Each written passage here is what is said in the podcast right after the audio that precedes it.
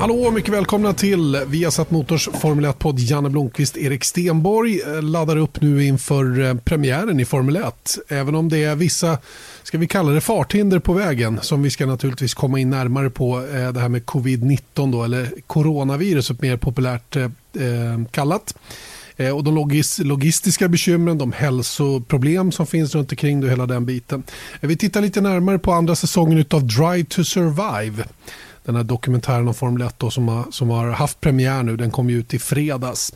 Eh, vad tyckte vi om den egentligen och eh, ja, hela den biten runt omkring. Och sen är det ju naturligtvis intressant att prata den här överenskommelsen som Ferrari har gjort med FIA om sin motor. Eh, vad den egentligen innebär och, och eh, hur man ska tolka hela den där grejen egentligen. Om Ferrari verkligen fuskade eller inte. Det får vi försöka bena ut i, i dagens podd. Sen ska vi självklart också försöka rangordna teamen lite grann inför premiären nu i Melbourne som förhoppningsvis går av stapeln här om knappt två veckor. Erik Stenborg. Ja. Är du med? Jag är med. Jag är med. Det är underbart. Det är underbart. Och jag tänker så här, ska vi inte börja med eh, de här testsammanfattningen eh, nu när de här sex dagarnas testning är över och eh, det enda som vi väntar på är egentligen att de ska börja träna på fredagen på Albert Park. Exakt, det låter väl som en jättebra idé för det är ändå det som är det huvudsakliga trots allt, det sportsliga och det, det mest intressanta även om det andra är intressant också. Mm. Ja, vad tycker du själv om testerna? Du följde dem sporadiskt av och till lite grann. Eh, ja, men ganska mycket faktiskt. Även om jag inte tittade på bilden så ofta. Jag gick runt liksom med en, en lur i örat hela tiden. Jag var ju lite bortrest på andra halvan och sånt där. Så att, men, men det fina är med de här Apple AirPodsen är att man kan bara gå runt och så liksom, är det ingen riktigt i familjen som tänker på att man kanske inte är inte närvarande. Lyssnar. Man är, är inte närvarande. Exakt, men det kanske just när någon frågar någonting så kanske man bara säger förlåt vad sa du? Jag tänkte på någonting annat. Exakt, exakt. Det och, det är inte, och det är inte ovanligt när jag gäller Erik. Nej, tänker på någonting annat nu också. Det var faktiskt nu under löpet när du sa det också. Bara sa någonting om testen eller ska jag ta det nu? Eller? Ja, det är fantastiskt. Underbart. Eh, men jag, jag satt ju och kollade lite noggrannare i alla fall två tredjedelar av, av testerna. För jag var själv resande eh, de två sista dagarna. Men försökte hålla koll då också någorlunda i alla fall. Och, eh, jag tycker bilden har klarnat och blivit ganska ogrumlig så att säga då, när vi kom till de sista två dagarna.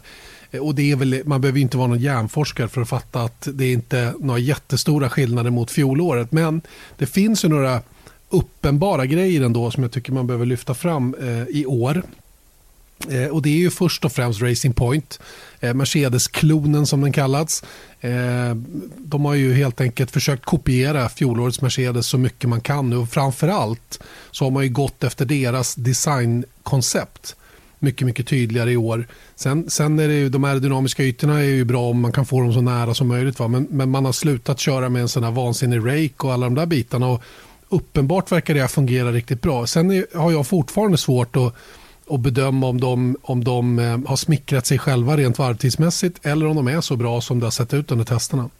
Mm. Ja, och det är ju det där som är den eviga svaret på tester, att det, det, är svårt att veta helt enkelt innan de börjar köra. Men, men eh, det verkar ändå vara ganska liksom, entydigt från förståsigpåares håll att de där är väldigt bra, ligger väldigt bra till i mittfältet i minsta fall. Eh, jag drar gärna parallellen till det vi såg 2018. Kommer du ihåg det när Haas hade ungefär samma situation? Då hade de kopierat Ferrarin och det var väldigt mycket surr om just den biten och de såg otroligt bra ut under testerna. Sen så lyckades de inte bygga på det där. De, de var bra med i början på säsongen men sen så fejdade det bort gradvis då, då, ehm, ja, man orkar ju inte som ett mindre team att följa med i utvecklingskriget så att säga, mot de stora. Nej, exakt. Men då vill jag bara, jag vet att du och Scott Mitchell som nästan höll på att ersätta mig ja. sett, till, sett till eh, reaktionerna som, eh, de positiva reaktionerna som han fick. En supersub. I förra veckan. Ja, exakt. Men sub, det är det viktiga ordet här.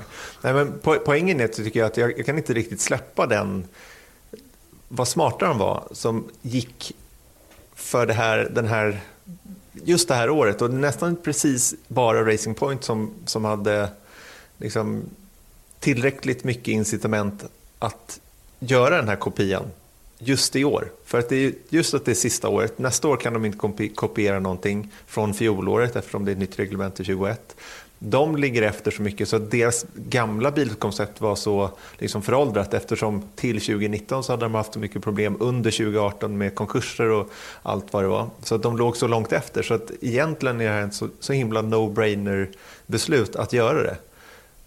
Och det faktum att de har gjort det gör ju också att de frigör de kommer försöka hänga med, som, speciellt om det börjar gå bra i början så kommer de försöka uppdatera bilen under året också. Men just det faktum att de har ett sånt himla försprång in i 2020 nu så att de kan också förhoppningsvis lägga ganska mycket resurser på 2021-bilen mm. under tiden.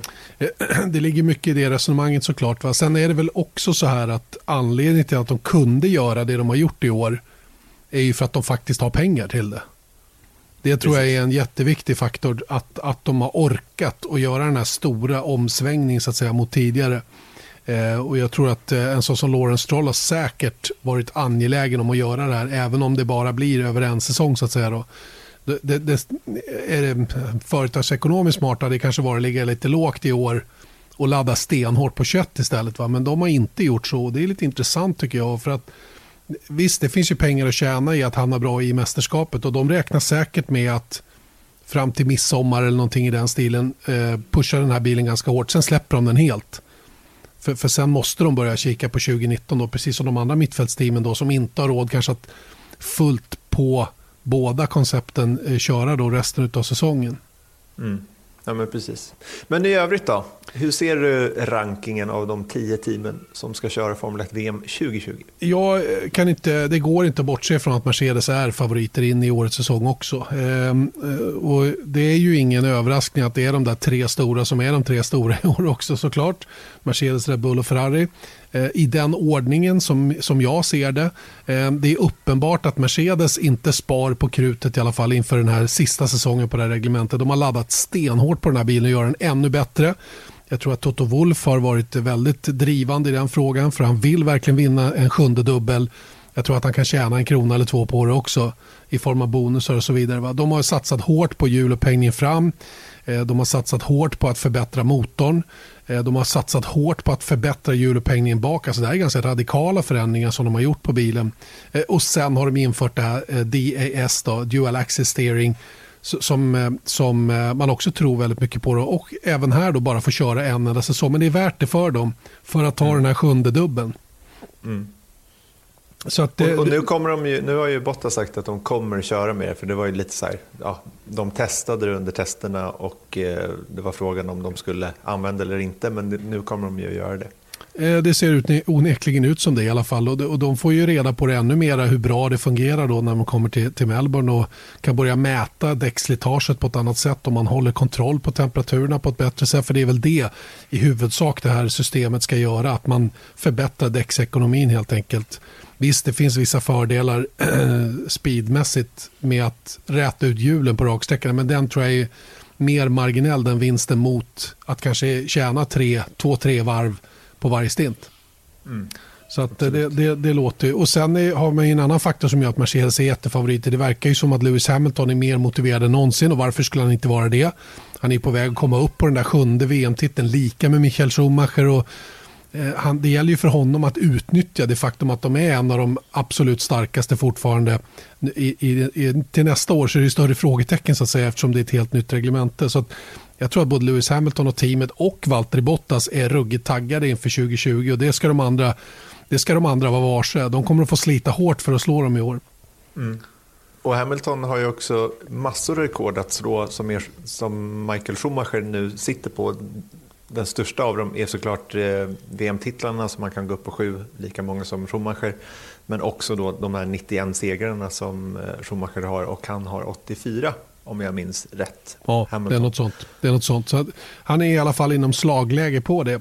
Eh, näst bäst på min rankinglista hamnar faktiskt Red Bull. Då, och eh, Red Bull är lite intressanta. De har inte de har, gjort, eh, de har ungefär som Ferrari jobbat lite annorlunda i år. De har ju varit noga med att bilen skulle funka på en gång när de startade testerna. De har inte varit så här, eh, nytänkande eller, eller chansat med eh, konceptgrejer som, som kanske krånglat under testerna. Utan nu har de bestämt sig, det här kör vi och det här ser vi till att det funkar och sen bygger vi på det så att säga. Va? Och, eh, jag tror att det kommer att bli, eh, jag tror att det var ett smart val från deras sida. Dessutom verkar bilen bra rent generellt ihop med Honda då, som inte haft något tillförlitlighetsproblem heller. Och jag menar, ser vi till när de, när de pushade på mot slutet av testen så är de ju med. De är in the ballpark så att säga, även om jag menar, tiderna är, är svårbedömda som alltid under tester så, så, tycker jag det ändå var ett kvitto på att det är ingen tvekan om att de är, de är minst, minst lika bra som förra året, förmodligen bättre sett till Mercedes om vi har dem som någon slags eh, eh riktmärke att gå efter. Knepigare då att bedöma Ferrari givetvis då, som har varit eh, väldigt återhållna under den här testen och, och jobbat hårt på att förstå sin bil bättre. De har förbättrat den aerodynamiskt, det vill säga de har kreerat mer downforce på bilen. Eh, vad man får då är ju mer drag. Det betyder att bilen får jobbigare eh, att, eh, att vara snabb rakt fram, eller lika snabb rakt fram i alla fall. Eh, och lägg då till då den, den, viktiga grejen som vi kommer till sen, den här överenskommelsen med FIA, då, det betyder förmodligen att de inte kan använda motorn på det sättet som de gjorde under fjolåret, som vi tror jag också såg resultatet av de tre, fyra sista helgerna efter det tekniska direktivet som kom i, i Texas. Så att här har ju Ferrari eh, varit tvungna att hitta på andra grejer för att kompensera för det. Och Det är det jag tror de har hållit på med under testerna och även de är med. Och De hade bra racefart jämfört med de andra toppteamen och hela den biten när man gjorde simuleringarna. Så att, eh, de där tre är väldigt, väldigt jämna. Sen, sen kommer det väl som förra året att vara dagsform som avgör vilken bana som bilen passar bäst för och så vidare. Mm.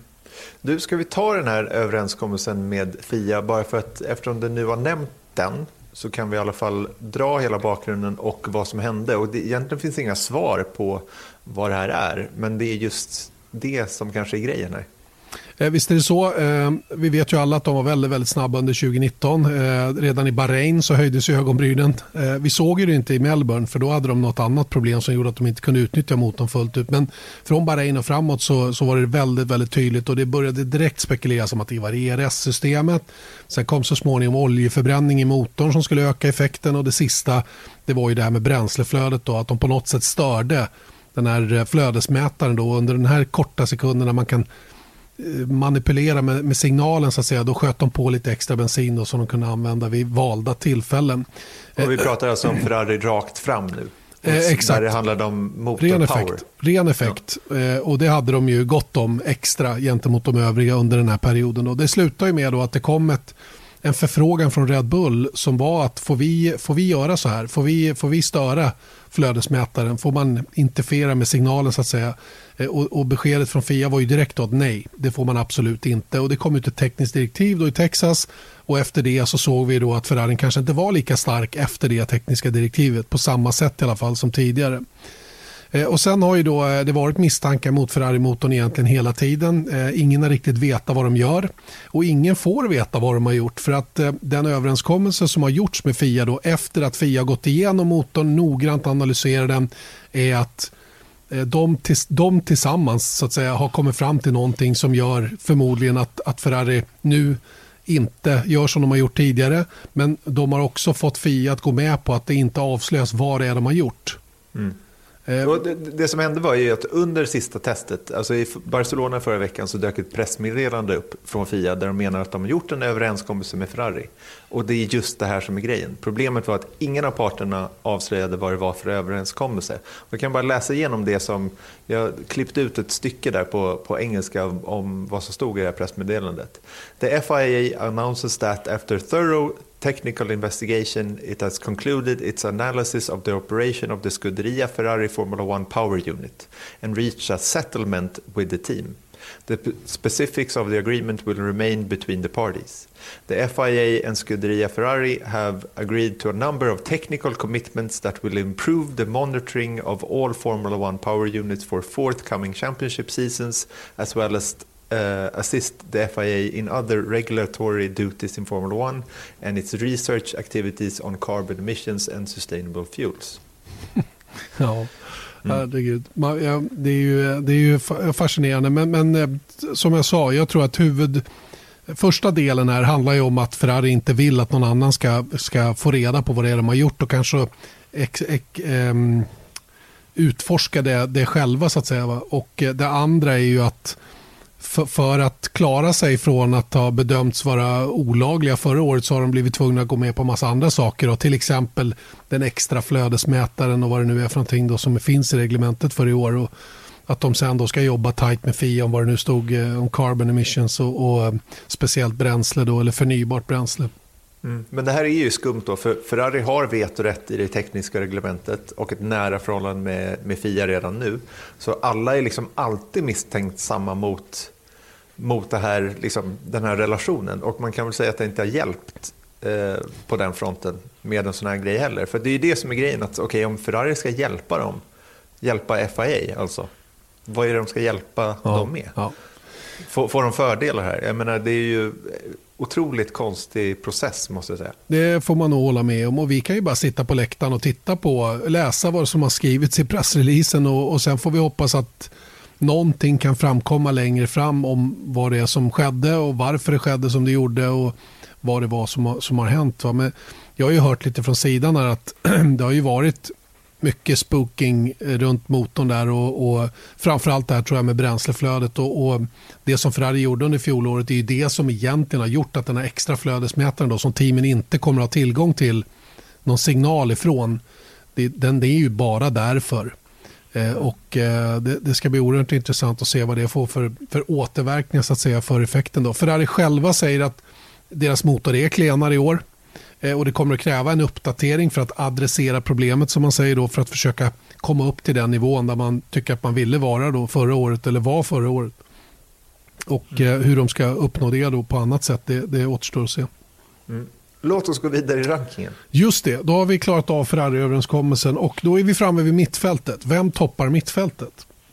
Ehm, och här är det närmast omöjligt att säga vem utav tre team som ligger alla längst fram i mittfältet, tycker jag i alla fall, det är ju Renault som är ett fabriksteam och som i mina ögon ska vara i toppen av mittfältet. Annars gör de, inte, eh, gör de inte tillräckligt bra jobb.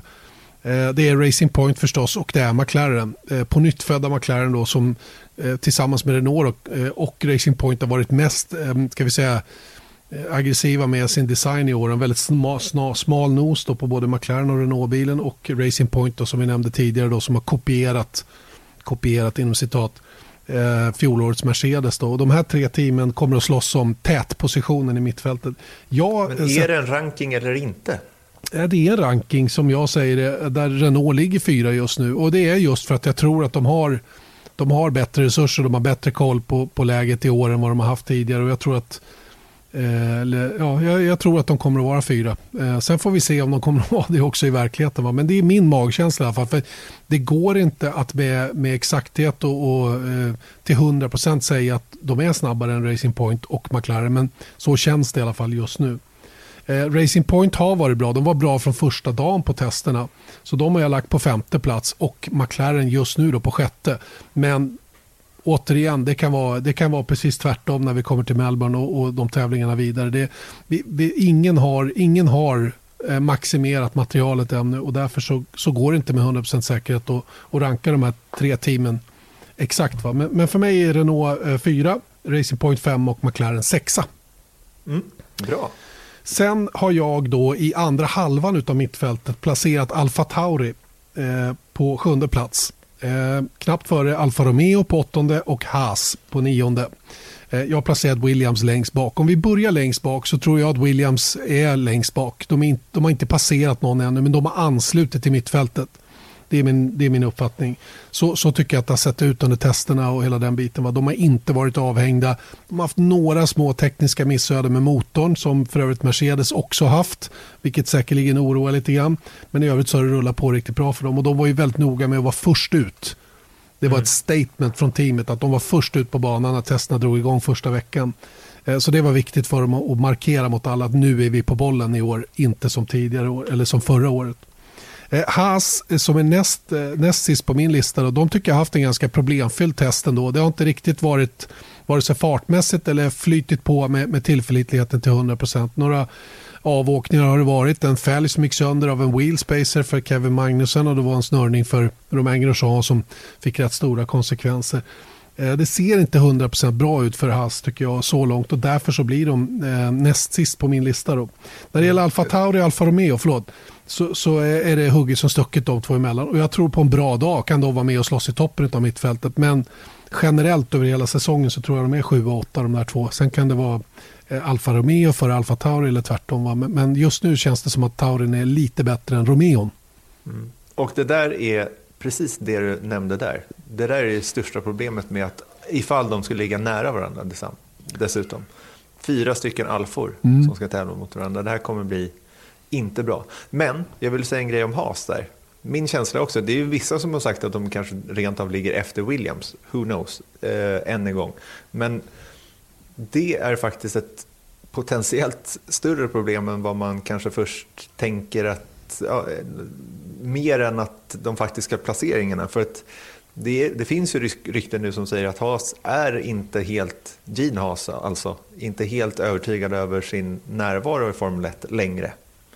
Eh, eftersom det kanske inte riktigt blivit som, som eh, han tänkt sig rent resultatmässigt men också just det ekonomiska i det hela. Mm. Eh, så det finns ju, jag ska inte säga konkreta rykten, utan det för, för det är rykten. Men att de kanske inte kommer hänga kvar speciellt lång, lång tid heller. Nej, och det senaste som kommer från Gene Haas är ju att eh, han, eh, han, tänker, han tänker låta inledningen på den här säsongen bestämma huruvida han skriver på ett nytt Concordavtal för ytterligare fem år eller inte. Ehm, men, men, samtidigt Erik så tror jag också så här att ska Gene Haas ge den här satsningen i Formel 1 en riktig chans så tror jag att han behöver vara med en period till. Eh, det är ju naturligtvis avhängigt av hur mycket pengar han är beredd att spendera och han har spenderat avsevärda pengar redan även om han har en mycket mindre operation än många av de andra teamen just för att de, de jobbar med outsourcing på ett helt annat sätt. Men, men, men eh, jag, jag tror att han gärna skulle vilja vara med i det nya reglementet och se vad det kan innebära. Vi får ju trots allt ett kostnadstak. Vi kommer förmodligen när alla har skrivit på Concordavtal ha en jämnare fördelning av intäkterna. Det kommer att se gynnsammare ut va? och det tycker jag talar för att Haas ändå hänger kvar. Men, mm. men det är ett stort beslut för Gene Haas att ta och eh, det är långt ifrån säkert och, och, vi får väl hålla tummarna för att han tycker att det går tillräckligt bra då inledning på den här säsongen för att skriva på då innan den sista december 2020 då som är deadlinen för att vara med och köra vidare i Formel 1. Mm. Jag håller med om allting du säger där om att allting ser ut att bli något bättre 2021 sett till fördelningen av pengar. Men pro problemet är ju att det är inte Gene Haas egna pengar här utan det är ju eh, Haas Automotion. Auto Automotion, eh, auto, hur är det? Ja, jag tror det. Vi, vi, har, sagt fel, vi har sagt fel där tidigare. Hans företag är Hans företag som, som ställer upp med pengarna. Och då är det ju någonstans också att det är klart att eh, Gene Haas bestämmer ju i, till stor del själv där också. Men eh, det bygger ju också på vissa placeringar i VM där vilket ger x antal kronor. Då får han inte in dem, ja, men du vet, då börjar de ju förlora pengar istället. Och till slut så kanske, beroende på hur det går, går för det företaget eh, rent centralt då, med att sälja sina maskiner, ja, helt plötsligt kan det gå ganska fort. Ja, det är ju en liknande situation som Red Bull har till exempel. Va? Det gäller ju för dem att sälja tillräckligt mycket burkar för att kunna vara kvar i Formel 1 och de använder Formel 1 för att sälja burkar och Gina Haas tänker sig väl något liknande antar jag. Och, eh, Eh, det här med Rich Energy blev ju ingen lyckad historia. så, så, att eh, de får försöka söka pengar på annat håll och hela den biten. Va? Men framförallt så behöver de ju behöver de få till en bra bil. En bil som någorlunda är stabil här i början som de kan, som de kan förbättra under året. Det var ju hopplöst förra säsongen när de till och med fick gå tillbaka efter 6-7 tävlingar mm. till, till den bil man startade eh, säsongen med. Som, som då gjorde en ganska bra insats i Melbourne va? men som sen tappade allt eftersom. Exakt, och det är någonting som vi kommer tillbaka till sen när vi pratar Drive to, drive to Survive. Mm. Eh, ja, men så ser min ranking ut. Mercedes, Red Bull, Ferrari, Renault, Racing Point, McLaren, Alfa Tauri, Alfa Romeo, Haas och Williams i den ordningen. Men ta det med en nypa salt. Alltså ordningen, framförallt eh, ja, ordning rakt igenom. Det, det är så många frågetecken fortfarande. Och, och ehm, för många parametrar som vi inte känner till för att med 100% säkerhet. Men det är alltid roligt att gissa lite. För det är det man gör. Alla gissar ju. Mm. Många har stått och tittat och tycker si och många har tittat på tider och tycker så. Och många analyserar long runs och säger att det är si. Och sen tittar man på de snabba varven och då är det så. Och jag menar, ja, det är samma gissningslek varje år. Mm. Och det fina är att om två veckor så har vi fått en ganska tydlig indikation. Jag. Ett, första, ett första tecken får vi åtminstone när vi kommer till, till Melbourne. Då, om vi nu kommer dit. För nu kommer vi in då på det som var ett annat ämne. Nämligen det här med eh, det numera ganska kända coronaviruset. Precis, och det är så att jag har eh, gjort lite efterforskningar här och det är ganska, jag tycker att det är ett ganska allvarligt ämne. Så att jag har skrivit en, en eh, mindre uppsats här. Bra. Och jag kommer läsa ganska mycket till bara så att jag ser till att få saker och ting eh, rätt här. Och jag börjar med då att eh, Formel 1 meddelade nyligen då att de har gått med vinst för första gången på tre år. Och trots det då så föll Formel 1s börsvärde till samma nivåer som i augusti 2017 i eh, den senaste veckan har det här skett. Då, då. Och varför? Jo, men det är ju då coronaviruset covid-19 såklart. Och enligt Forbes, alltså den här, eh, vad ska man säga, finanstidning, mm. eh, har Formel 1 gått från ett börsvärde på 10,7 miljarder dollar till 8,7 miljarder dollar den senaste månaden. Alltså de har gått ner 20 procent ungefär. Vilket är då såklart otroliga summor, men inte så konstigt då Formel 1 affär är att det är ju liksom att samla massor av människor på samma ställe och det nu finns risk att ja, regeringar, eh, stater eller promotorn själv stoppar race för att hindra spridningen av eh, viruset. Och det har vi sett nu. Två olika exempel på, i MotoGP. Eh, de har strukit Qatar som var den första deltävlingen och sen Thailand. Den förstnämnda då i Qatar på grund av reserestriktioner dit. Som du påpekade när vi pratade här tidigare om halva paddocken i MotoGP-sammanhang är italienare. Och det är där en, en vad ska man säga, en Ett röd zon. Stort utbrott i Italien. Precis, och ehm, eh, i Thailand har de ju beslutat om det själva. Alltså, men troligen av samma anledning. Ja, det, det är klart mm. att det är så. Mm. Men, men det är inte liksom, det är inte problem att komma dit i, i dagsläget i alla fall. Eh, Superformula, japanska liksom, eh, vad ska man säga, Formel 2, fast i Japan. Eh, de har skjutit upp sin första runda. Jag såg att eh, Formel 1-HDO, eh, alltså båtarna, de har också skjutit upp sin första deltävling. Så det här händer ju hela tiden. Och det skulle bli 22 race i år och vi är redan nere då på 21 efter att Kinas GP skjutits upp och sannolikt kommer det racet att strykas på riktigt på grund av att de inte får plats någon annanstans. Vi pratade om det i tidigare poddar att enda egentligen möjligheten för Kina är att lägga det i sommaruppehållet men problemet är att man kan ju inte flytta ett race till sommaruppehållet för att man vet inte hur det ser ut då heller. Så man vill liksom inte sätta igång den apparaten förrän man har eh, Facit. Ja, bevis Tydligare att, facit i alla fall. Ja, exakt, att det är okej okay att göra så. Liksom. Eh, Vietnam gränsar till Kina och ska köras i början av april. Just nu är all systems go för Vietnam enligt Chase Carey. Men det är liksom mer komplicerat än så, än att säga att ja, men vi ska köra där. Eh, för RTL, det tyska sändande bolaget, eh, var mig veteligen först med att meddela att de inte kommer skicka personal till Vietnam. Eh, Viasat kommer inte heller göra det. Eh, och det är såklart inte ett centralt beslut från Formel 1 att inte skicka oss dit. Men det finns exempel på att de har strukit event i Hanoi-området också. Det är en badmintonturneringen som, som nyligen ställts in då i Hanoi. Och enligt Forbes igen då var det på inrådan från Vietnam Sports Administration apropå då coronaviruset. Så att det är liksom, här har det kommit ett exempel på att Vietnam själva i så fall har eh, ställt in ett evenemang. Som, det här var typ i slutet av mars och eh, Vietnam ska köras i början av april. Mm. Men vad, om jag förstod det rätt när det gäller Vietnam så är det även här då inreseproblem som, mm. som kan bli det största bekymret. Att eh, personer då från vissa delar av världen inte kan komma dit. Nyckelställen då, eh, eh, typ Italien, där två team är baserade eh, till att börja med och säkert en hel del. Pirelli är baserade i Italien även om de har fabriken i, i, i Istanbul eller i, i Turkiet. Så, att, mm. så att det, är, det är lite lurigt det där. Va? Men, men eh, ponera nu att de som åker iväg nu till Australien eh, inte åker hem däremellan det vill säga att teamen håller sig på resande fot fram till Vietnam, då ska inte det, då ska inte det vara ett problem. Och det är väl det det är väl det man sätter hoppet till från den vietnamesiska arrangören att det är så det kommer att bli. Så att säga. Ingen, ingen åker hem och ser till att man hamnar i karantän utan man, man fortsätter runt bara och därmed kan åka vidare. Problemet är väl racet innan i Bahrain Mm. Eller hur? Ja, det, det är också...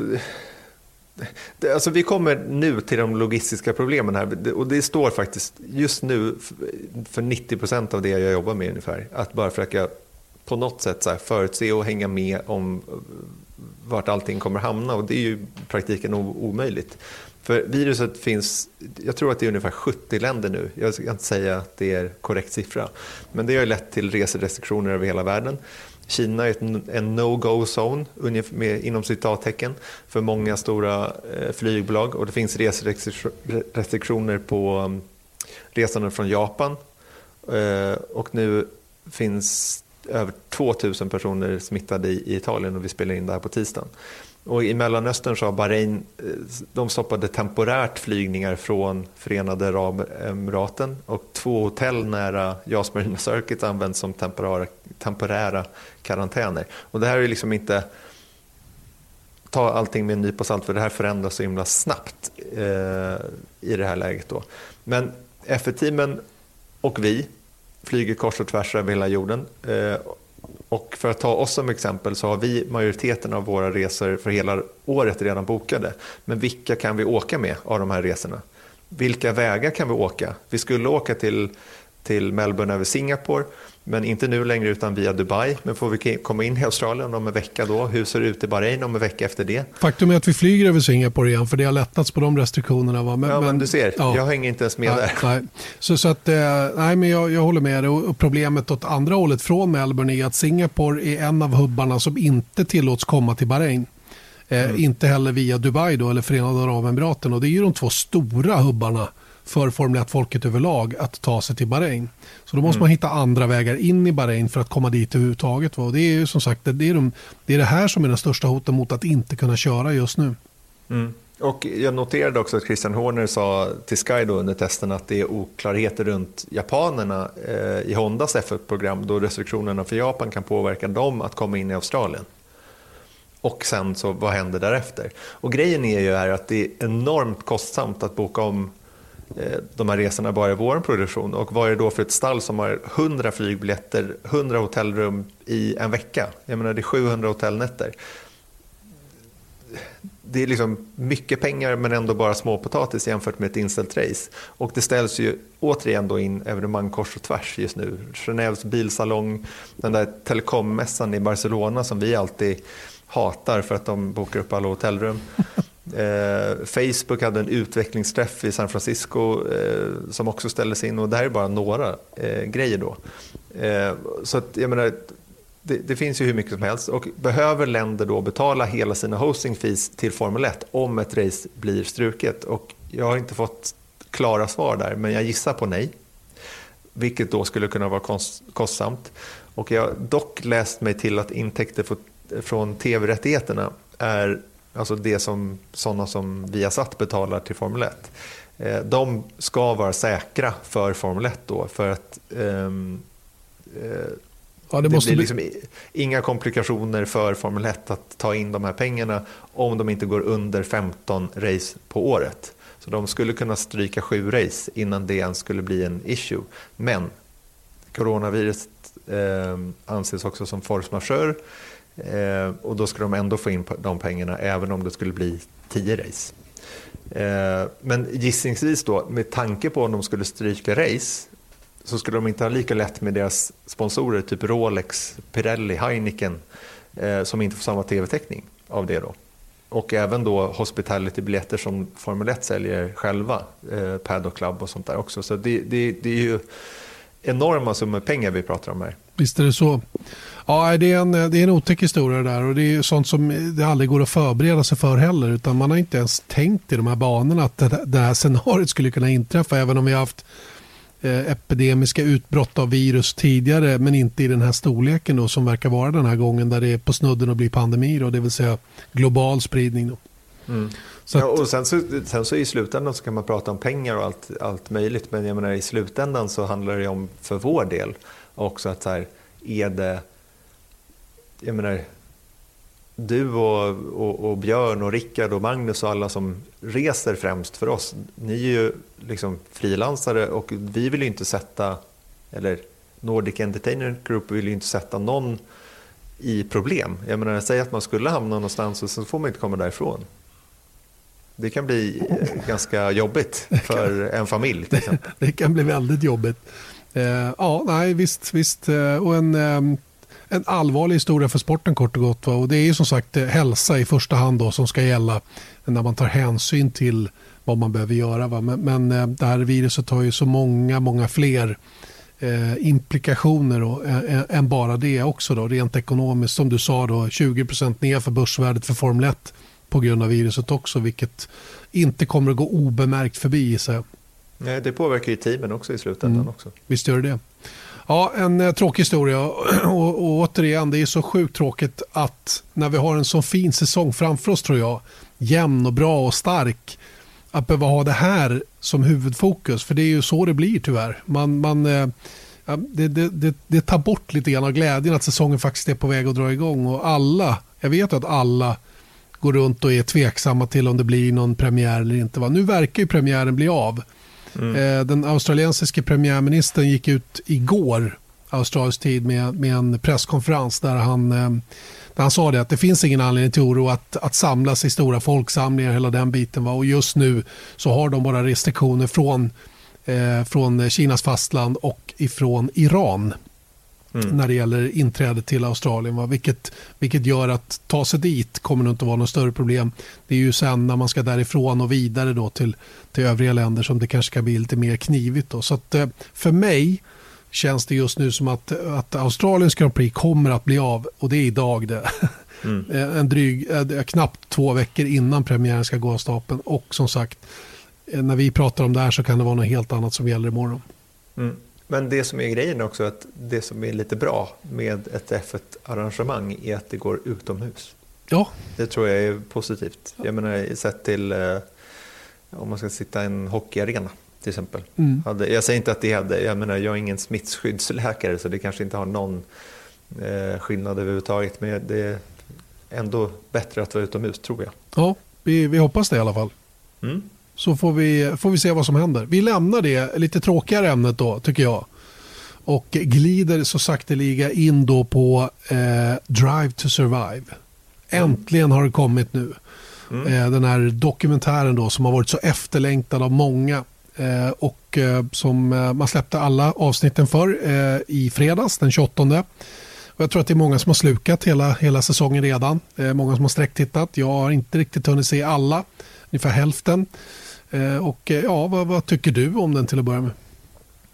Alltså, det, första frågan tycker jag nästan är så här, poängen med den här serien är att locka in nya fans, och vilket bevisligen eh, första säsongen gjorde. Och eh, jag gjorde ett, eh, ett test hemma där jag tvingade min fru att se första avsnittet och eh, jag kan säga så här att mottagandet var ljumt. Å andra sidan har hon undvikit Formel 1 i 12 år under tiden hon har varit gift med mig. Så jag tror att hon kanske inte är liksom, omvändbar. Hon är en sån där uh, never Formula 1 person. Liksom. Svår Vilket passar mig ganska bra. Jo, i och för sig. Va? Min fru som också har tvingats se eh, åtminstone tre, nästan fyra avsnitt sa så här till mig. Att fan Janne, vilket coolt jobb du har.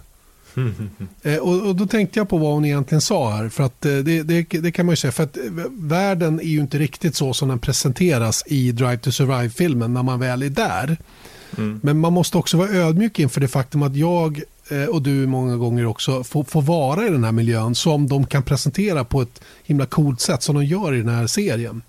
Mm. och vi får komma folk på, liksom, vi får komma innanför innanför alla asbergen. Vi får vara med in i, i debriefingrum och vi får liksom Visst, det är lite dramatiserat. Va? Det är lite fejkade ljudpålägg och det är lite radiotrafik som är lite hur som helst. Och det är mycket radiocheck i den här, den här serien. Kan jag tycka. Herregud. Alltså. det verkar det... vara väldigt dålig radioförbindelse. Eller så vill de testa den väldigt ofta. Men det är en sån där, det är en sån där grej som, man, som, man, som, som tillför eh, en, en form av närvaro på något sätt. Va? Mm. Och, och, sen eh, är det ju då storiesar som, som de har plockat upp under året. Och det, det märks ju direkt vilken som är mest säljbar i fältet i alla fall. För Daniel Ricciardo han är, har varit överlägset mest med eh, så långt som jag har tittat i alla fall. Han är en sån en kille som han är en superprofil helt enkelt och, och lättillgänglig och rolig och, och inledningen på ett avsnitt när han sa någonting riktigt fult. mm. som han trodde att de skulle ta bort. Han sa ett fult ord mm. som inte jag tänker upprepa. Men, men han, han, det är liksom så typiskt honom. Då vill han bara testa dem liksom. och det är klart att de tar med det. Mm. Men, men, och, och det är det här som jag, jag är väldigt intresserad av, av dokumentärer och sportdokumentärer generellt. Då. Och det är sånt här som jag, jag blir förbannad när jag ser sån här intern humor. För det är flera gånger. Jag, jag, tror jag har sett fyra och ett halvt avsnitt i det här läget och jag tror att det är åtminstone fyra gånger som de nämner Netflix i storyn så att säga. Som Ricardo som säger det fula ordet och eh, Günther Steiner som står och snackar med någon att så här, jag har en mikrofon på dig. Han säger så här, ja men det skiter jag i, de tar bort det. Så här, och det blir liksom så här internhumor mm. bara. Det är för, de själva som tycker det är roligt. Liksom. Precis, för då är vi inte längre flugan på väggen om man Nej. får sådana anmärkningar. Liksom, utan det, det viktiga är att det känns dokumentärt, att de faktiskt är så som de, som de är i vanliga fall, trots att kameran är på. Och mm. det är det, den känslan kan inte jag heller skrubba bort lite grann, att det är lite det är lite dressat va, emellanåt mm. och eh, man, man, får känslan av att eh, så som, som Steiner, han är ju väldigt berömd för att, för att ha sagt eh, fack så många gånger som möjligt. Och mm. På något sätt får jag för mig att han kryddar på det extra mycket. Mm. Ja, jag har ingen aning. Alltså, inte jag heller, men det, nej, den känslan får. Jag, jag, jag köper det du säger, men det är det som är grejen. Att jag tror att i grund och botten så är det äkta stories. Som, för jag menar, det är sånt här som man känner igen. Jag såg det här Tysklandsprogrammet när Ferrari, eller Mercedes eh, hade katastrof och, och, Hamilton var sjuk och allting sånt där. Det, jag menar, I grund och botten så är, var ju det någonting som hände och jag tror att de reagerade precis som de gjorde. Men jag tror att allt lullull, som du säger, radio check one, two, yeah, I hear you loud and clear. Det är ju fyra gånger varje avsnitt. Eh, all kommentering som du hör eh, från Ben Edwards och Jack Nichols, det är ju pålagt. Det står ju till och med eh, additional commentary, står det i eftertexterna. Så det är sådana där grejer som när man är väldigt inbiten och dessutom någorlunda tv-kunnig. Sånt stör jag mig på mm. när, när man vet att de har dramatiserat vissa, vissa delar av det. Visst det Men för att komma tillbaka till grundfrågan där, har det lockat in nya Eh, fans. Och det tror jag fortsatt. När man ser den här säsongen så långt jag har sett. Även om det inte bet på min fru så att säga så, så tror jag att det är sån här, jag, jag vet inte om det är kanske noll fans om jag kallar det från det. De har ingen erfarenhet av Formel 1 eller motorsport överhuvudtaget. De kanske inte ens tittar på det här. Men jag tror att sådana som ändå vet vad Formel 1 är, de kanske sett något race men de har ett ljumt intresse. Det här tror jag verkligen kan få dem att brinna mer för Formel 1. Mm, men vet du vad, jag tror faktiskt att nollfansen också tror det? krokas fast just för att det är som det är. För att det är lite drama över det hela. Va? Att det är lite, det är lite um, jag ska kalla det, men, men alltså att, att de har, att de har polerat, polerat till det lite.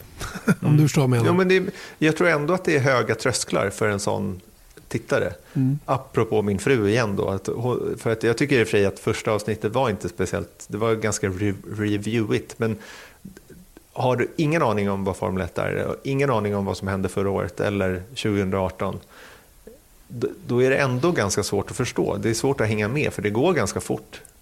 Och så. Det var det jag tyckte att första säsongen var bättre på, att verkligen kroka fast folk.